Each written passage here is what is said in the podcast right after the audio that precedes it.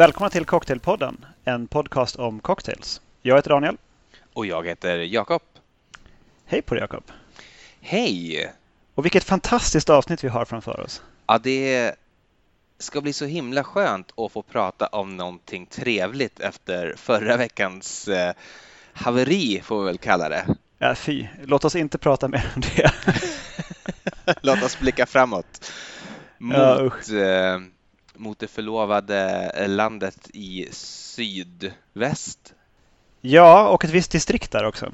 Just det. Eh, vill du säga vad det är för distrikt vi ska till, Jakob? Jag säga vilket distrikt det är. Eh, vi ska ju till eh, vindistriktet Champagne i norra Frankrike naturligtvis. Idag ska vi prata om champagnedrinkar hela, hela dagen och jag tror att vi i princip bara kommer att prata om drinkar. Vi kommer inte att prata om nästan någonting annat. Det kommer bli väldigt eh, receptintensivt och tror jag väldigt drinkintensivt avsnitt också. Kan bli eh, det kan, det kan, bli så att vi har uppnått en lätt berusning när vi trycker på stopp. Det får vi se. Det vet jag inte än så länge. Ja, annars har vi alltid liksom förlagt eh, shottar och sånt till slutet av avsnittet. Så liksom man, kan, man kan lämna avsnittet och sen, eh, sen bli berusad. Uh, ja, nej precis. Jag har faktiskt den framför mig här och jag tänker inte vänta länge innan jag uh, presenterar min första drink och uh, även börjar dricka på den. För att uh, champagnecocktails har ju lite bubblor från skumpan och uh, skall så ha under den tiden man dricker. Det här är en cocktail som vi nämnde faktiskt i, i ett tidigare avsnitt. Då vi båda utbrast när vi såg receptet att åh herregud vad gott nämligen en Old Cuban. Nej, vad roligt. Jag mm. funderade på det men eh, avstod. Men jag är mycket glad att du, eh, du tog med den. Ja, det är fantastiskt gott. En Old Cuban, för de som inte minns, eh, det är i stort sett en, en, en daiquiri skakad med mynta som sen är förlängd med champagne. Och då är det eh, ett och ett halvt ounce lagrad rom, tre, tre fjärdedels ounce limejuice, eh, två tredjedels eh, ounce med två till ett sockersirap, två stänk angostura bitters. Skaka det med is tillsammans med sex myntablad eller en näve mynta eller hur man nu vill. Eh, Dubbelserie till kopglas och toppa med champagne och garnera med mer mynta. Och är den så god som man, som man tror att den är? Ja. det, det är en jättebra drink. Vilken underbar start på kvällen. Det är ju också fredag för första gången, va, tror jag. Eh, som vi spelar in, ja. Som vi spelar in, ja. Det har ju naturligtvis varit fredagar tidigare. Men inte... Historiskt sett har det väl kanske det. men inte just under inspelning. Jag har faktiskt också som min första drink en eh, som vi har nämnt tidigare, men ganska långt tidigare, nämligen i avsnittet om fizzes alldeles i början av den här poddens historia. Eh, det är ingen riktig fizz, men den heter fizz. Den heter Earl Grey fizz. Minns du, eh, minns du vad det är i den eller vill du att jag tar en litet, det är klart jag inte minns liten repetition? Tusen avsnitt sen och jag har dåligt minne. Ja, eh, det här är då en drink som ska serveras i en champagneflöjt eller champagnestrut och det är en shot med Kettle One vodka enligt Difford, men självklart går ju vilken vodka som helst lika bra så länge den inte är smaksatt med någonting. Eh, en halv shot Earl Grey te och en fjärdedels shot sockerlag och eh, skakar man det på is, häller som sagt i ett glas och eh, fyller upp med champagne. Då får man en sån här liten halmgul härlig sak. Jag ska ta ett smakprov. Ja, det är torrt, lite sådär kryddigt, förvånansvärt eh, neutral den är nästan som, som det skulle kunna vara, bara en champagne. Den är, den... En lättkryddad champagne alltså? En lättkryddad champagne. Den var jättegod tycker jag. Ska vi, ska vi, ska vi, ska jag, få fråga dig vad du har för eh, skumpa? Jag har en, en uh, flaska Moet Chandon Imperial Brut. En av de som kommer i en fin liten pappkartong på systemet. Just det. Och väl är någon slags mittemellan dyr historia. Inte inte en billig, inte liksom ett, en, en Crevante Alsace eller Crevante Bourgogne eller så, utan det är ju, det är en, den är ju från Champagne. Och det är ju ändå ett av de klassiska husen. Precis, det fanns ingen krug. Som jag vet att, att du förstås föredrar. Uh, Sen var hoppet var väldigt, väldigt mycket liksom därifrån sen upp. Liksom. Det här är ju 400 kronors klassen ungefär. Så liksom, mm. sen, den dyraste de hade på det systembolaget var väl någonstans 15-1600 någonting där. Mm. Och vidare. Sen finns det ju vansinnigt dyra och, liksom, i beställningssortimentet på Systembolaget. Det gör det. Jag för kul satt och kollade faktiskt eh, vad de dyraste kunde gå loss på, men jag var ändå förvånad att det inte var mer. Men det var ganska stora flaskor också. Ja, men om man, nu räknar jag bara 750 milliliters flaskorna mm. då. Eh, om, man, om man tar de här standardstorleken så ligger de dyraste som man kan köpa i Sverige då på runt 4 och 2, 4 och 3. Och det känner du fortfarande är rimligt nu då liksom efter din, din tur med, med krugflaskan? Uh, nej, även den, även den ligger ju i, i en lägre klass då. Nej, det är naturligtvis inte rimligt. Det är alldeles, alldeles orimligt och kanske någonting man aldrig kommer att uh, ta sig för och köpa. Men det var ändå faktiskt lite, lite mindre än vad jag hade tänkt mig. Mm. Men eh, sen liksom, man tänker också det som att men man ska kanske inte använda dyr och väldigt god och fin champagne till cocktails. Mm. Men det är som att säga att man inte ska använda bra sprit i sin cocktail. Alltså bra sprit kan ju kosta väldigt mycket. Jag håller med dig. Jag tycker att det, eh, det, det påverkar resultatet väldigt mycket. Jag har faktiskt inte någonting lika fint i mitt glas, tror det eller ej. Eh, utan jag har just en cremang från, från Bourgogne. Jakob. Nej, det var inte vad jag hade väntat mig faktiskt. Nej, jag, för, jag, förstår det, men jag har ju också en, eh, jag har ju en samägare av eh, vårt barförråd och eh, det var svårt att driva igenom och, och ta champagne till, till cocktails, så de kommer vi att dricka som de är istället. Eh, men jag, jag, tycker som sagt att det spelar roll vilken skumpa man har. Jag tycker absolut inte man ska bara gå på det billigaste man hittar för att man har eh, till att blanda drinkar med när man ska göra champagnedrinkar. Vill man snåla så tycker jag man kan ta en bra cremant som ju är också ganska kvalitetssäkrad. Eh, I, I likhet med champagne. Champagne är ju de mousserande vin som kommer från eh, regionen Champagne, men det finns också andra regler som de här vintillverkarna måste hålla sig till för att få kalla det champagne som ska garantera att kvaliteten hålls så att liksom inte varumärket champagne eh, utvattnas. Och så är det ju till stor del också med cremant. Ungefär samma regler gäller för cremant. Jag tror att det kan vara lite möjligen lite kortare lagringstider som krävs innan man får sälja det och sådär. Men, men det, det, är ändå vin som generellt håller stilen tycker jag. Det mm. är min, min uppfattning. Jag har ju aldrig tidigare skakat med någonting så här dyrt på, mm. på bubbelsidan. Uh, och det är lite av en speciell känsla bara det.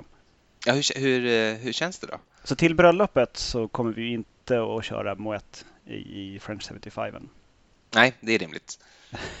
för, för vi, vi har högst ordinära inkomster och uh, då, då, kan man inte bete sig på det viset. Så då blir det någonting torrt, uh, torrt mousserande av italienskt snitt.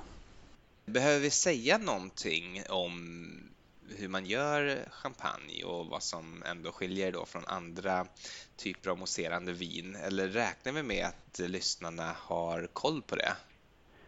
Det, jag, jag tycker vi kan hoppa det. Folk, folk har väl ändå bra koll, det går att googla också. Alltså för, för cocktailsammanhang så jag föredrar en, ett torrt, torrt mousserande vin. I Imbibe så skriver David Wonders det att liksom då när man började använda champagne i cocktails så var modet en sötare champagne än vad vi har idag.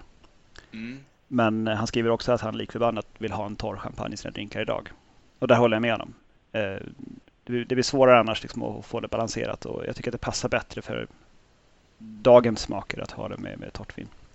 Och dessutom kan man ju justera, det är ju bara att ha i socker. Jag tycker att det är som om man ska baka liksom sötebröd på en seriös nivå på något sätt så brukar man ju vilja ha osaltat smör, inte för att inte få något salt i slutprodukten utan för att man ska kunna styra saltmängden eh, genom att liksom ha i salt själv. Och så är det lite grann tycker jag när man blandar till champagnedrinkar också. Bättre att ha en torr champagne och sen ha i socker än att, än att liksom chansa på hur söt den är bara genom att veta att den inte är torr. Eh, det finns ju eh, olika beteckningar som avgör då, eller, eller beskriver hur pass mycket socker det är i per volym. Eh, och, och, den vanliga torra brukar man ju kalla för brut, som ju är kort för brutal, eller brutal eller brutal. Och då menar man då att det är brutalt torrt. det, det här är tydligen något, om jag förstått saken rätt, som, som eh, den brittiska överklassen har eh, eh, drivit på. De var länge liksom de stora eh, konsumenterna av champagne. Att, att, att redan liksom tidigt i historien så har det mesta av den här bästa mousserande vinet från Frankrike exporterats till Storbritannien och de drev på för allt torrare och torrare och till slut så kom de fram till den här som nästan inte har något socker alls och det kallar de då för brut, för brutal. Är det samma grej som med dry martinis, att man är på något vis hårdare ju mer torr champagne man dricker då? är, det, är det samma visa om och om igen? Liksom? Det, det, engelska överklassen ska alltid ha det torrare för att kunna skryta till de andra att herregud, jag, jag dricker, alltså, har, shit, har du det minsta lilla socker i din? Oh, nej, det är pinsamt. Uh. Men det kanske, jag vet inte. Även i brut så är det ju lite eh, socker då och det finns nu faktiskt ännu torrare och vad heter de då? Det finns ultrabrut och sådär som i princip då ska inte ha, ha något socker alls. Jag har aldrig sett det annat än beskrivet på internet så jag vet inte hur vanligt det är. Men, men, men brut är ju det man ofta syftar på när man säger att man vill ha någonting riktigt torrt och krispigt. Eh, bara jätte liksom, kort också om champagne. Att en sak som särskiljer champagne, tycker jag, från andra mousserande viner är att de ofta är väldigt syrliga och väldigt sådär mineraliga. Eh, och det beror ju på området som de kommer ifrån. Champagne är ganska, norr, ganska långt norr i Frankrike och, och, och, ganska kallt, så druvorna hinner inte riktigt mogna generellt där. Så de är ganska syrliga. De har inte utvecklat lika mycket socker. Därför blir också slutprodukten eh, syrligare. Eh, och, och, jorden är väldigt mineralrik och därför så liksom smakar det mineral. Då. Eller eh, blir det mineraliga viner av det man gör där. Och det är väl också en av anledningarna till att det är ganska svårt att kopiera. Även om man använder samma tillverkningsprocess i övrigt så är det ganska svårt att kopiera den här stilen som är eh, härskande i, i champagne. Ja, ja, det, det låter rimligt. Ryssarna kallar ju sin, sitt mousserande vin från eh, odlingarna kring, kring Svarta havet just för rysk eller sovjetisk champagne fort, fortfarande kallar man det idag. Just det. Det ligger man ju då i fejd med eh, champagne, att man inte ska få kalla det för sovjetisk champagne. Men då är det någonting liksom med att, att ursprungshistorien där är att man tog vinranko från champagne och att jordmånen är väldigt lik den champagniska jordmånen då. Någonstans där kring Odessa eller någonting. Det är väl nuvarande Ukraina kanske. Det kanske stämmer. Ehm, den är generellt sötare tror jag än fransk champagne då. Ja, det är väl den här äldre stilen helt enkelt. Att man liksom har frusit den i tiden från eh, innan revolutionen då. Men det, det ska jag låta vara Ja, inte helt osagt i och med att jag har sagt det, men ja, någonstans där. Obekräftat helt enkelt. Men vi ska väl också säga att alltså, det är ändå fram till relativt nyligen i historien eh, så har ju också andra länder kallat sitt mousserande vin för champagne. Cava kallades väl kanske fram till typ 50-talet eller så för Champagne eller Champagne de España eller något sånt där. Eh, och även Prosecco har kallats för, jag vet inte, vad de nu säger i Italien, alltså italiensk champagne och sådär. Så det, mm. eh, det har ju varit ett starkt varumärke länge, men det är bara senaste kanske 70, 70 åren så där som det har eh, stävjats det allmänna bruket av detta namn. I USA finns det ju fortfarande någon gård som får kalla sitt vin för champagne. Har du sett det? Nej. Det beror på, efter andra världskriget så var det någon sorts sådär avtal som skrevs på, men sen så skrev typ aldrig Kalifornien på det avtalet eller någonting. Och i det avtalet, det var inte, hade ingenting med det att göra, men i det avtalet var också där det råkade stå att och så får ni inte kalla ert vin för champagne. Eh, och, och liksom det, det, slänger man sig slentrianmässigt in i alla franska kontrakt sen den dagen. Liksom. Ja, men det, som, det, det handlar liksom typ om bilindustrin. In med det här med champagne också. Det, det ska stå med. Eh, och då var det väl någon som upptäckte det där eh, och eh, började kalla för champagne. Och så har det varit liksom en twist, men det har aldrig lösts. Så att det, det heter alltjämt champagne någonstans i Kalifornien. Eh, liten, eh, liten bisak. Jag vet att du har eh, för övrigt gjort eh, en eh, förlängning va, av en eh, drink som vi har pratat om många gånger. Mm, det har jag gjort. Eh, den tänkte jag mixa till faktiskt lite senare i avsnittet. Mm -hmm. Ja, ursäkta, då kanske jag gick händelserna i förväg. Jag tänkte att du skulle berätta om den bara. Men då kanske jag kan istället eh, redan nu då när jag har tagit upp tråden berätta om lite liknande experiment som jag har utfört eh, inför helgen. Absolut, kör. Jag njuter av min Old Cuban så länge. Ja, och jag har fortfarande kvar min Earl Grey Fizz här. Så fort den är slut så ska jag se till att en, en ny kommer i glaset.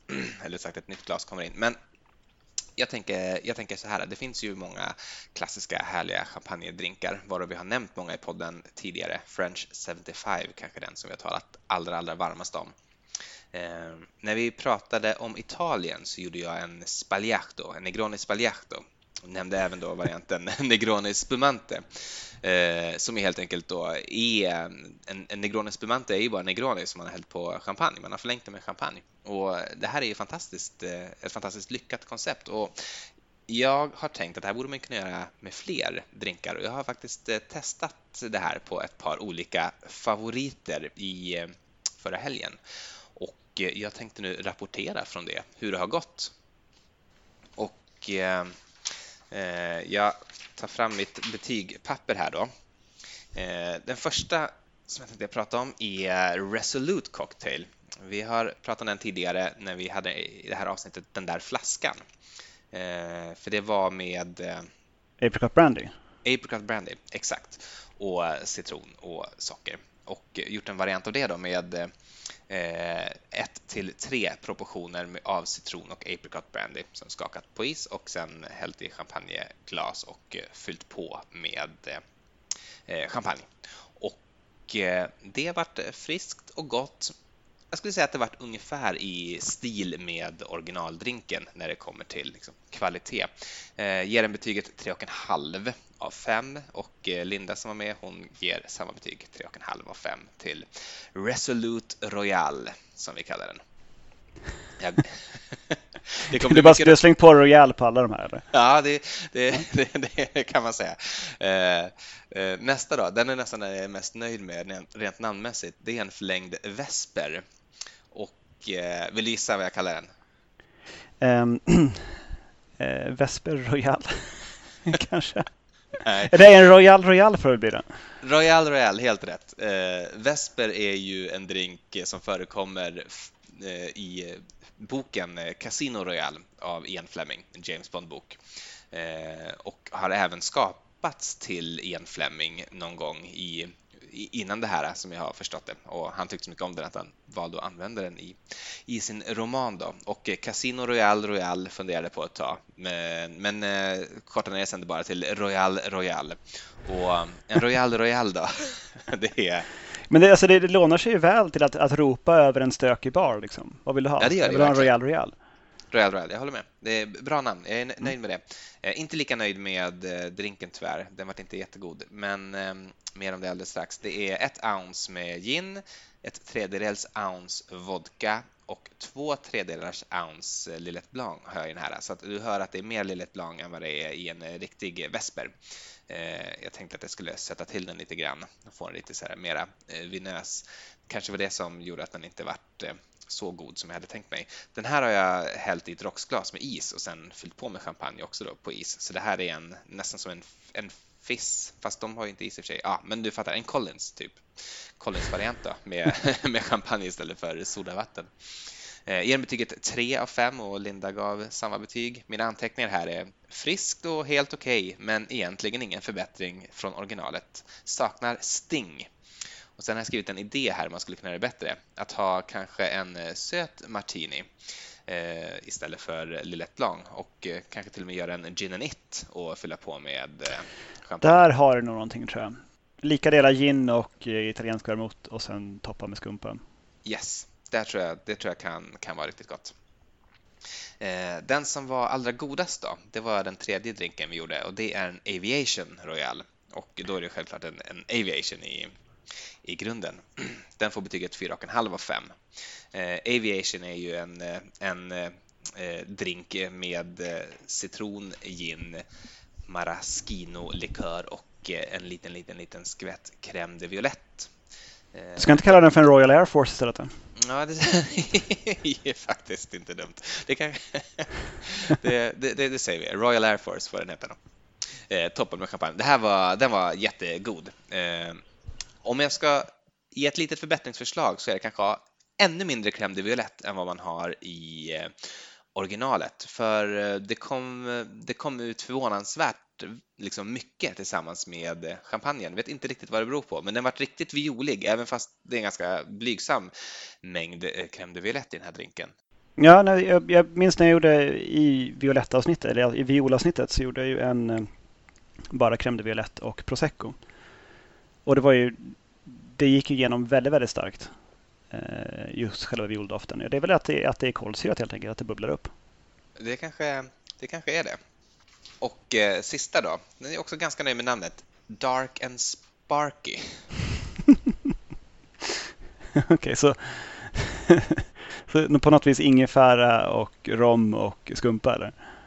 Eh, ja, faktiskt en, en, en Dark and Stormy, eh, det vill säga Ginger Beer. Jag funderade på att istället för Ginger Beer använda en sån här liten ingefärsshot som vi hade kvar i kylen sedan tidigare, men den har blivit dålig så då körde vi Ginger Beer istället.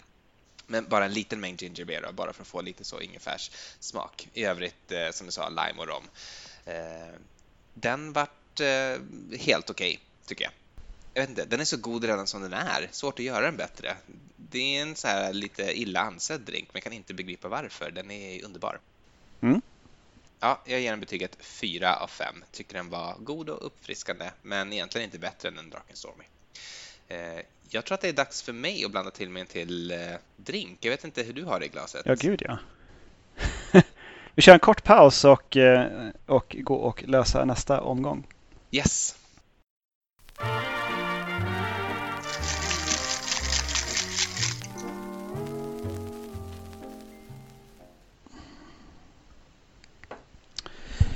Sådär. Vi är tillbaka.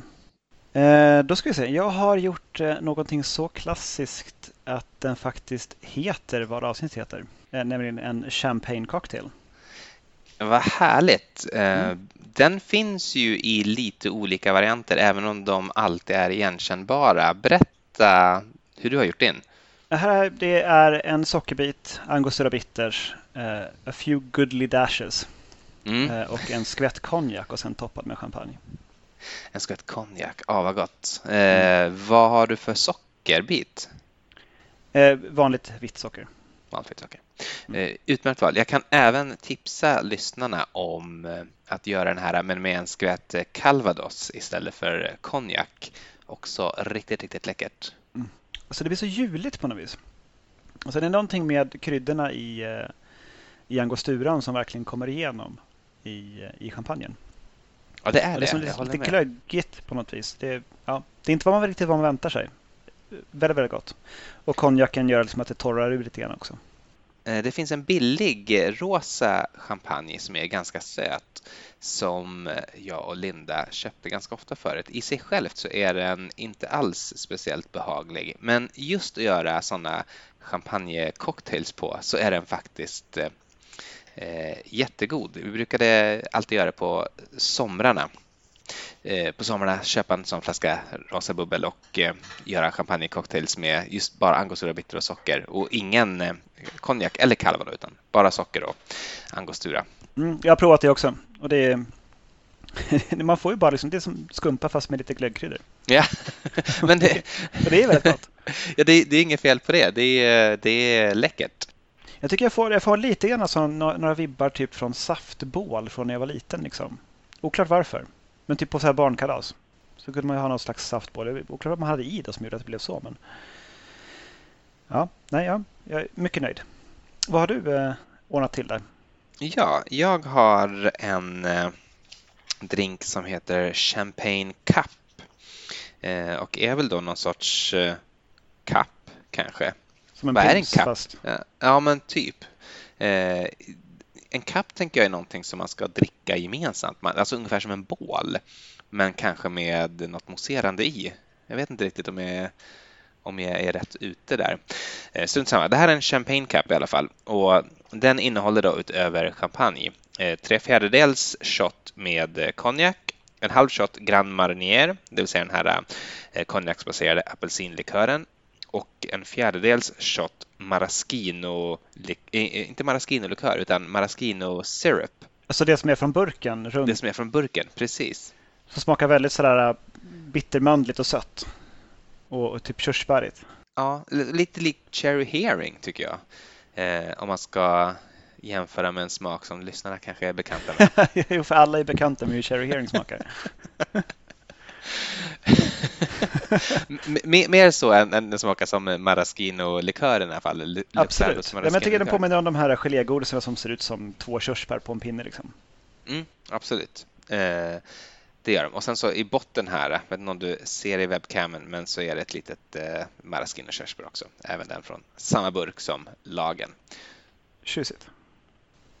Det här är mera, det här är mer godis. Eh, betydligt sötare än Earl Grey Fizz.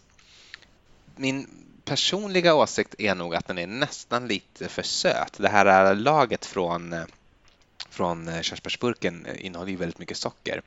Eh, absolut god, eh, men mera likt alltså någon sorts nästan cider, någon sorts söt cider. Eh, lite, lite bortkastat på bra champagne skulle jag säga. Eh, eller bra bubbel då i mitt fall. Ja, jag är inte ledsen att jag gjorde den, men det är inte kvällens eh, höjdpunkt. Och jag ser Linda här, hon, hon skakar på huvudet och, och gör alla andra tecken bakom skärmen att hon håller med. Det var, det var inte riktigt hennes kapp te. Snitsigt. ja, nej men jag, jag, känner mig väl ganska nöjd här och skulle vi kunna gå vidare på nästa. Mm, men eh, då, då tycker jag vi gör det.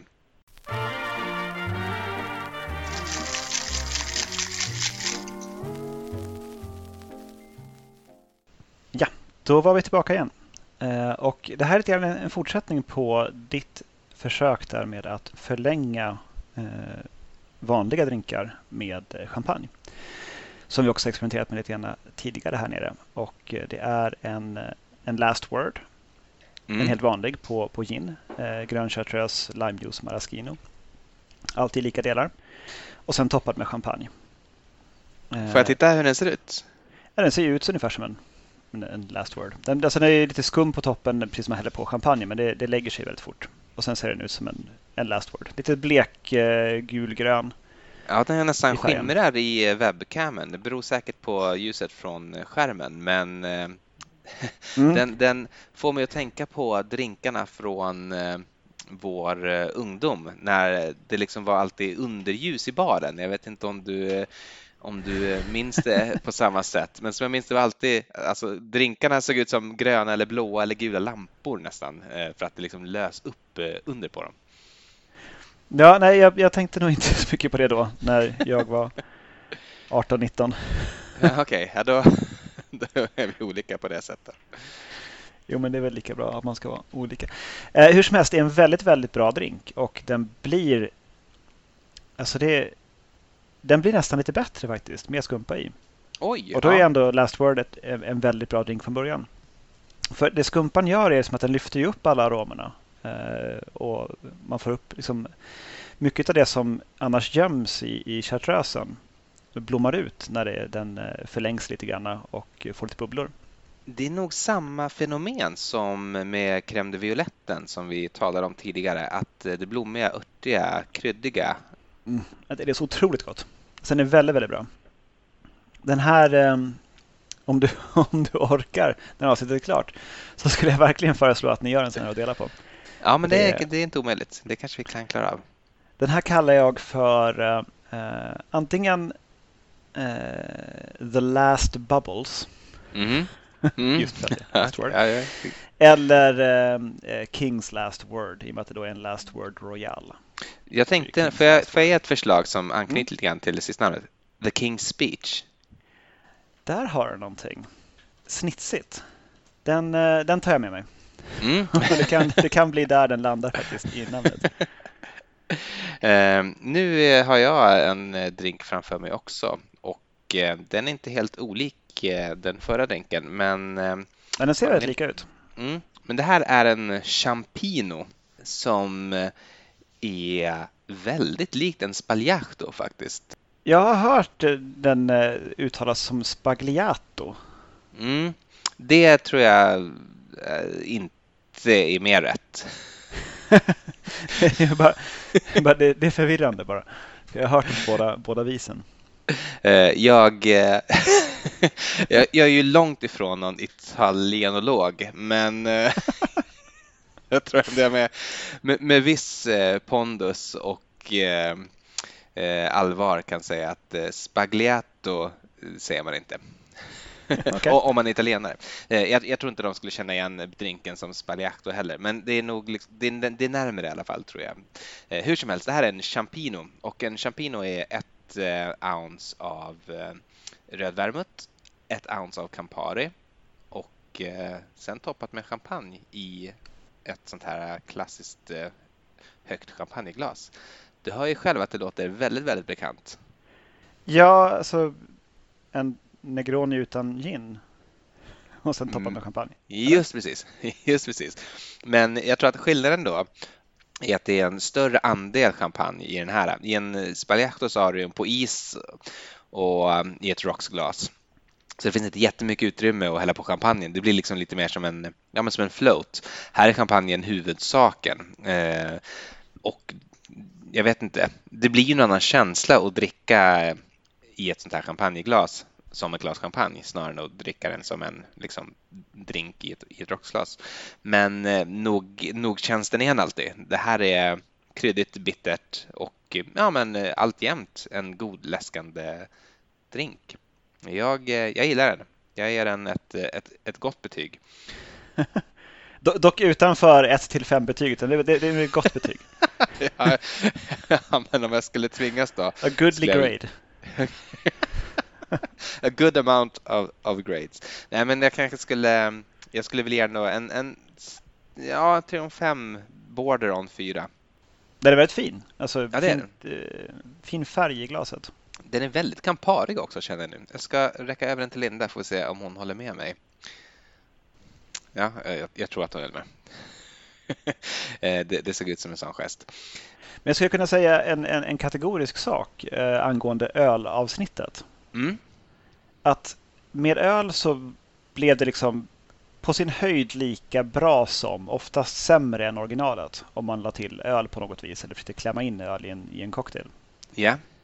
Med champagne ska jag nog säga att det blir lika bra eller ofta bättre. Gud vad bra! Vilken jävla guldspaning. För exakt så är det. Precis, allting blir bättre med champagne. Ja, eller liksom det finns ett golv. Om, om, man, om man verkligen pajar det så liksom pajar man det till samma nivå. Precis, det, det blir inte sämre ändå. Liksom. Du kan aldrig förstöra någonting med champagne. Det värsta som Nej. kan hända är att det inte blir bättre. Jag tror vi har en helt ny slogan för champagneregionen här. du kan aldrig förstöra någonting med champagne. Ska vi eh, fortsätta våra blandningsäventyr? Det tycker jag. På med pausmusiken.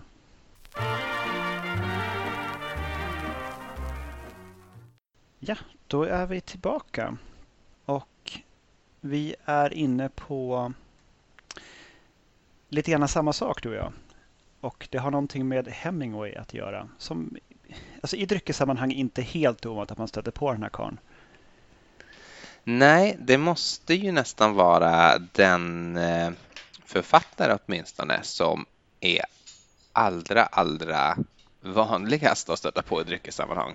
Vi har ju Hemingway Daiquiri som vi pratade om i förra avsnittet exempelvis. Mm. Och eh, nu denna skapelse då.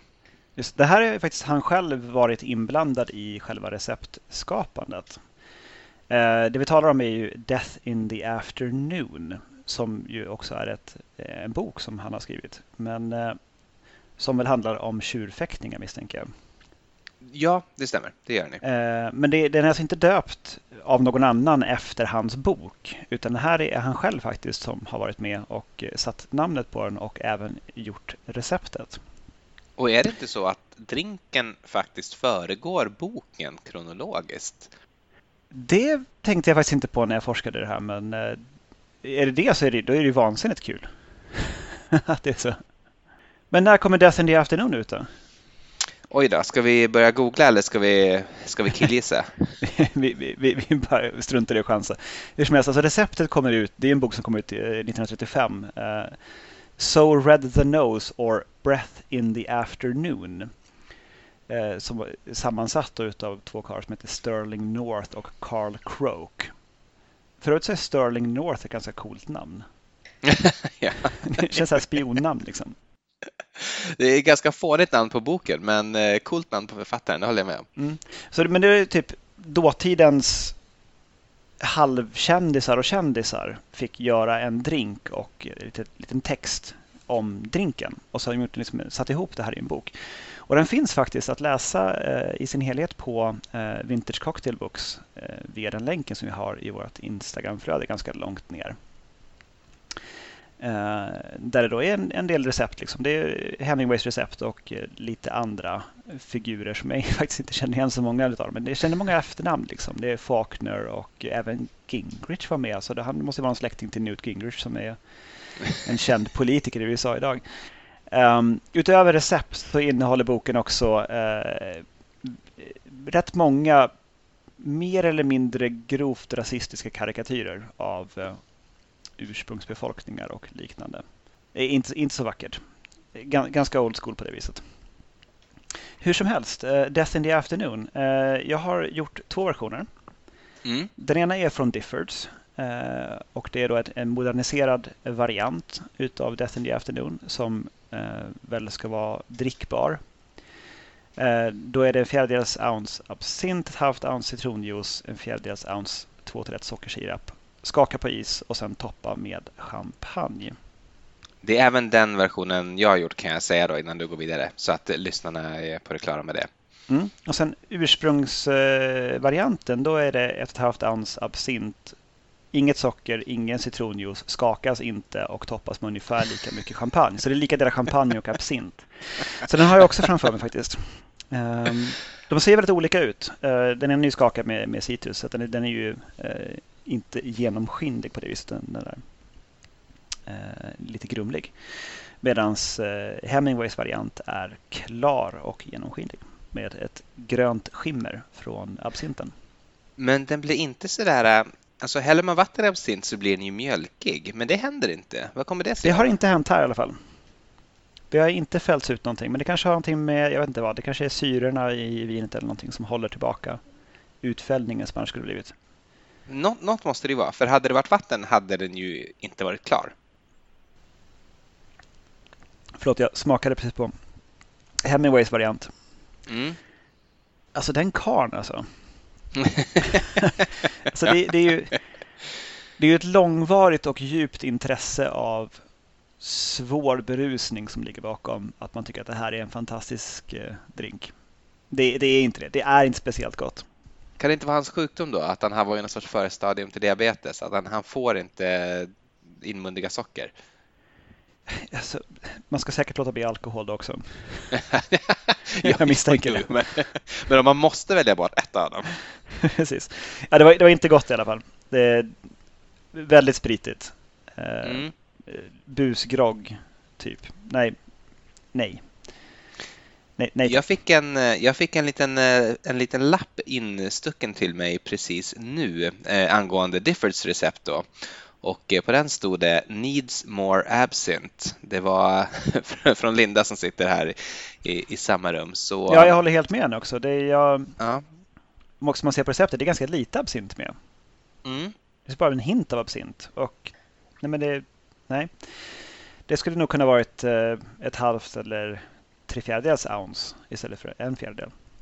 Jag tror också det. Och eh, vet du vad? Vi, det här är faktiskt inte första gången i podden vi pratar om den här drinken, för jag nämnde den eh, väldigt, väldigt kort, tror jag i alla fall, för kanske en månad sedan eller så för vi hade gjort den eh, när vi var ute i stugan i de här liksom stugdrinks-rapsodin eh, som, som flög förbi. Så hade vi här. Men då hade vi inte absint, jag sa det, men egentligen hade vi eh, pastis som vi gjorde den på, Pernod pastis. Mm. Som ju är lite sötare och inser nu lite mindre bittert och lite mer anissmakande och det tycker jag var en toppen, toppen drink när vi gjorde den då. Det kan vara att vi hade mindre glas också, alltså volymmässigt mindre glas, så att det helt enkelt var en lite mindre mängd champagne i förhållande till resten. Men som jag minns det var den otroligt god. Den här tycker jag var god, men jag tycker inte att den var otrolig. Mm. Jag måste säga det, jag smakade nu igen på Hemingways variant.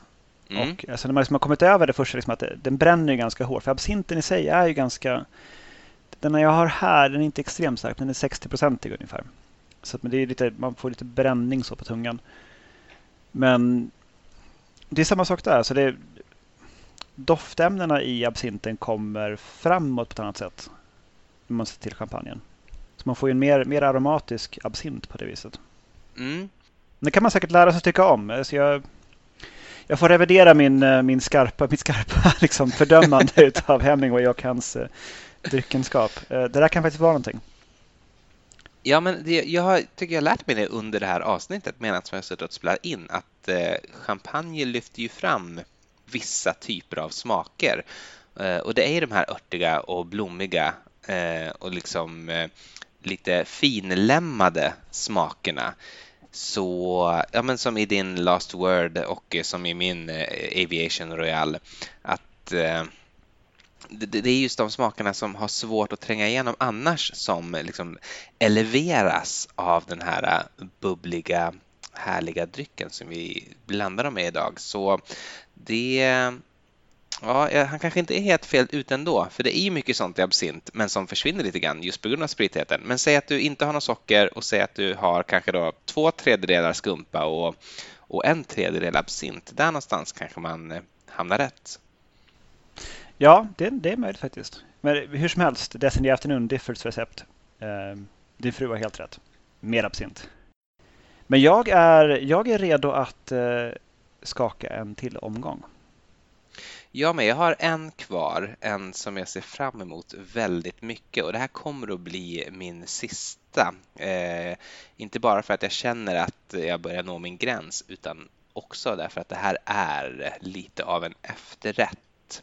Eh, så med de orden ska vi, eh, ska vi gå och eh, skaka våra shakers.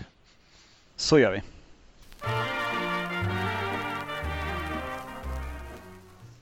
Då är vi tillbaka och eh, ja jäklar vilken märklig grej jag har framför mig. Det är en det här är då ett franskt namn. Jag vet inte riktigt hur man ska uttala den på korrekt sätt. Jag säger den som jag, som jag tror då. Soyer och champagne.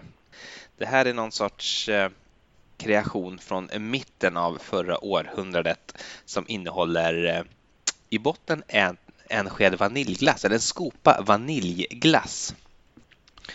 På det häller vi en skakad blandning av eh, konjak, Grand Marnier och eh, maraschino-likör i lika delar. Och därefter toppas med champagne och sen så då ska man enligt instruktion dricka, eller rättare sagt dricka i sugrör medan det fortfarande bubblar. Så jag får hälla på lite nytt här för att få bubbel för att det hade hunnit lägga sig. det ser helt vansinnigt ut. Det är sött som bara den. Men... Det är någon slags champagne ice cream float. Ja, det är det. Det är precis för det. Och maraschinon kommer igenom väldigt väl. Alltså det här är inte dumt. Alltså, det, här är inte, det är gott, men det är ju det är så jäkla konstigt och det är inte heller helt lätt att dricka det. Eh, för att jag menar, det är ju, det är ju vaniljglass, det är inte sorbet. Det är ju liksom ingenting som riktigt gör sig naturligt i en dryck. Men ska den liksom lösa upp sig då liksom i lite, lite klumpar och så vartefter? Jag gissar det.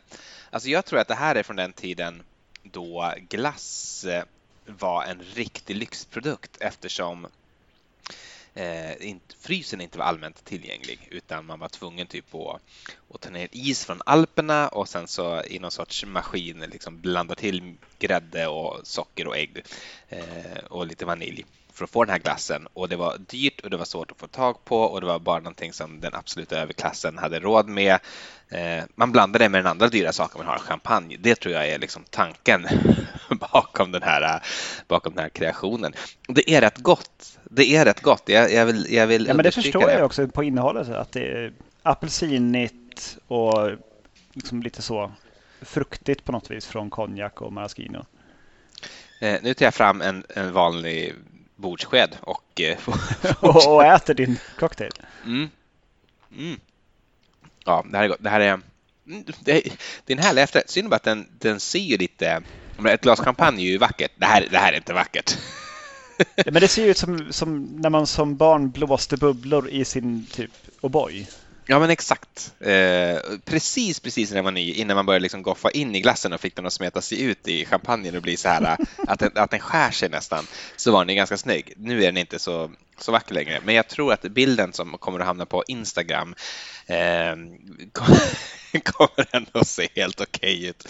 Eh, vi brukade för länge sedan varje valborg eh, köpa just sorbet och blanda med något typ av billigare bubbel när vi var studenter och bodde i Uppsala.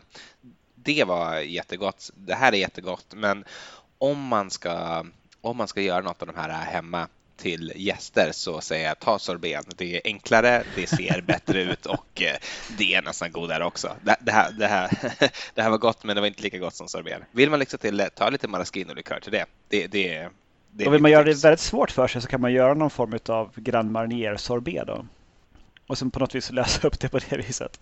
Ja, nej, jag, jag, jag det, det är ett, ett, ett fint steg för konsten du har tagit där Jakob. Att du har gett dig på den här vansinneskreationen. det är ändå kul. Jag blir upplyft av det. Du, du hör ju att jag är på gott humör. Jo, ja, absolut. Men det, det beror inte alls på att du liksom fått i dig en tre, fyra stycken champagnecocktails hittills. Nej, det är ju glassen. Eh, jag passade på att göra två stycken medan eh, du höll på och eh, kärnade mjölk och gjorde eh, glass. Mm. Eh, jag har eh, den fantastiska traditionella Selbach cocktail. Selbach cocktail? Mm, från Selbach Hilton i Louisville, Kentucky. Som har en ganska spännande tillblivelsemyt faktiskt. Ehm, enligt legenden då så var det här en signature cocktail för Selbachs hotels eh, bar då i Louisville, Kentucky från tidigt 1900-tal. Och ska då ha hittats i gamla recept i gömmorna utav eh, en bartender som heter Adam Segar eh, på 90-talet. Och som tagit den här tillbaka då, som gjort liksom till en signature drink för Selbach på 90-talet. Och han intervjuades av en tidning som heter Louisville Courier Journal och eh, berättade den här skapelseberättelsen. Liksom hade liksom tagit den här cocktailen och hittat den och tolkat receptet och gjort hela grejen.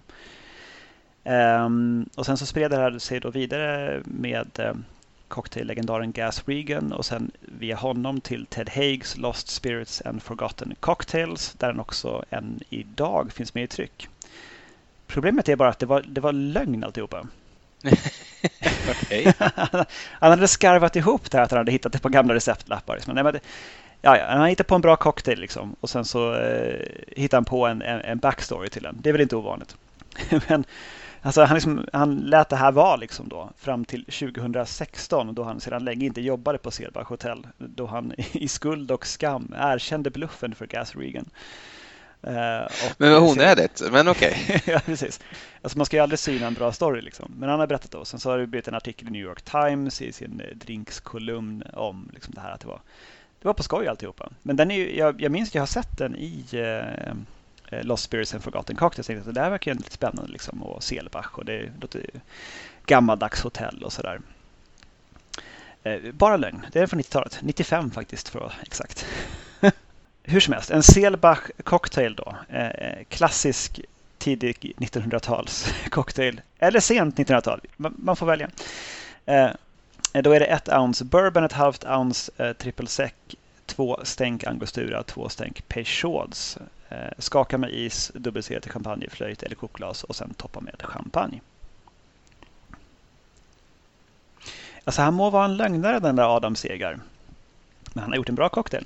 Ja, men det tycker jag är... Då är det 1-1. ja, precis. Han, han får fortsätta leva liksom. Ja, absolut. Väldigt lyckat. Um, och sen det andra jag har gjort eh, har ingen eh, spännande backstory. Det är eh, en Air Mail från Esquires Handbook for Hosts från 1949. Det är det två ounces ljusrom, ett fjärdedels ounce honungssirap och då är det en del honung, en del vatten lättast att göra i mikron. Man bara lägger ner alltihopa i en skål och mikrar det någon minut, så är det klart. Ett halvt ounce limejuice, ett halvt ounce apelsinjuice. Skaka över is och sila till ett isfyllt glas. Ett Collins-glas brukar väl funka bra i storleken. Och sen toppa med champagne och garnera med mynta. Och den ska vi smaka på nu. kunde ha behövt lite mera sötma. Jag tror jag var lite försiktig med eh, honungssirapen baserat på att jag vet att det brukar bli för sött med svensk honung. Mm. Eh, där hade jag nog kunnat ta i lite mera. Eh, kanske haft en lite, lite rikare honungssirap. Men det är gott. Det är friskt och fräscht. Eh, säger inte så jättemycket egentligen. Eh, jag skulle väl ge den 2,5-3 poäng av 5 eller någonting. Ingen, ingen riktig höjdare så. Jag förstår. Har du... Eh, visst, du har ingenting mer att dricka i, ikväll, eller hur?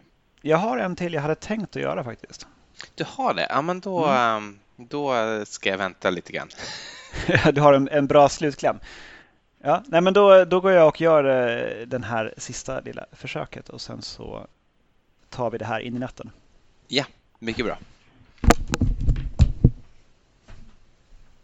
Så, då sista försöket för aftonen är en Valencia Cocktail number two.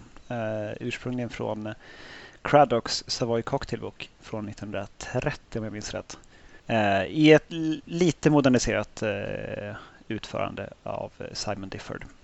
Då har vi ett halvt ounce apricot brandy, ett fjärdedels ounce apelsinjuice, fyra stänk angostura orange bitters, Eh, byggd i eh, ett kopglas och toppad med champagne. Låter, eh, låter väldigt bra. Det är det också. Det, är svåridentifierbart faktiskt vilka smaker det är med. Men Apricot Brandy har ju lite sån eh, bittermandelsmak men det är inte riktigt det man får igenom. Alltså det blir någon form av eh, karamellgodissmak som man inte riktigt förväntar sig. Absolut, väldigt bra. Och i och med att man bygger den i glaset så är det väldigt lätt också att, eh, att göra om man ska ha en större bjudning eller så och vill bjuda på en, en välkomstdrink så är det här väldigt smidigt. Mm. Jag, jag är mycket nöjd.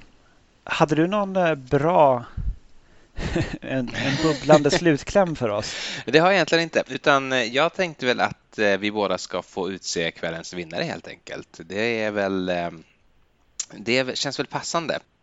Att segra det är ju också kanske det tillfälle då champagne är som allra, allra mest relevant. Så jag tycker att det känns också relevant att utse en segrare i detta avsnitt. Och vill du börja? Eh, King's Speech, det vill säga en eh, last word förlängd med champagne. Tveklöst. Mm. Så, så, fantastiskt bra. Alla måste göra en som har eh, de sakerna hemma. Gör det nu. Eh, jag har en vinnare och en bubblare då kan vi ju. Eh, och eh, den, den, som vinner kvällen för mig och för Linda, det är Earl Grey Fizz faktiskt, den första vi drack.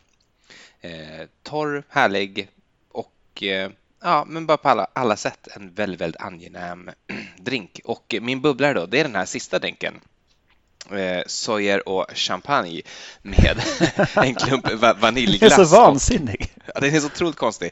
Grejen är, den är jäkligt svår att dricka så länge vi har en stor flytande liksom, bit eh, i, eh, glass i den. Men nu när nu har jag ätit upp glassen med en sked och eh, ja, du ser ju i webbcamen att det är bara lite liksom på botten där. Glassoppa kvar. Ja, glassoppan. Men den är jäkligt god alltså. Den är riktigt, riktigt bra. Så så man, man, kanske kan göra den här liksom en skaka med eh, vaniljglass eller någonting och sen toppa med champagne. Jag vet inte. Jag låter tankarna flöda fritt. Fritt eh, som bubblorna i ett glas. Eh, så om du inte har någonting mer så tycker jag bara att vi skålar ut och säger godnatt. Skål och godnatt. Skål. Och ko kolla för guds skull aldrig en bra historia. Skål för det. Ja. Hej.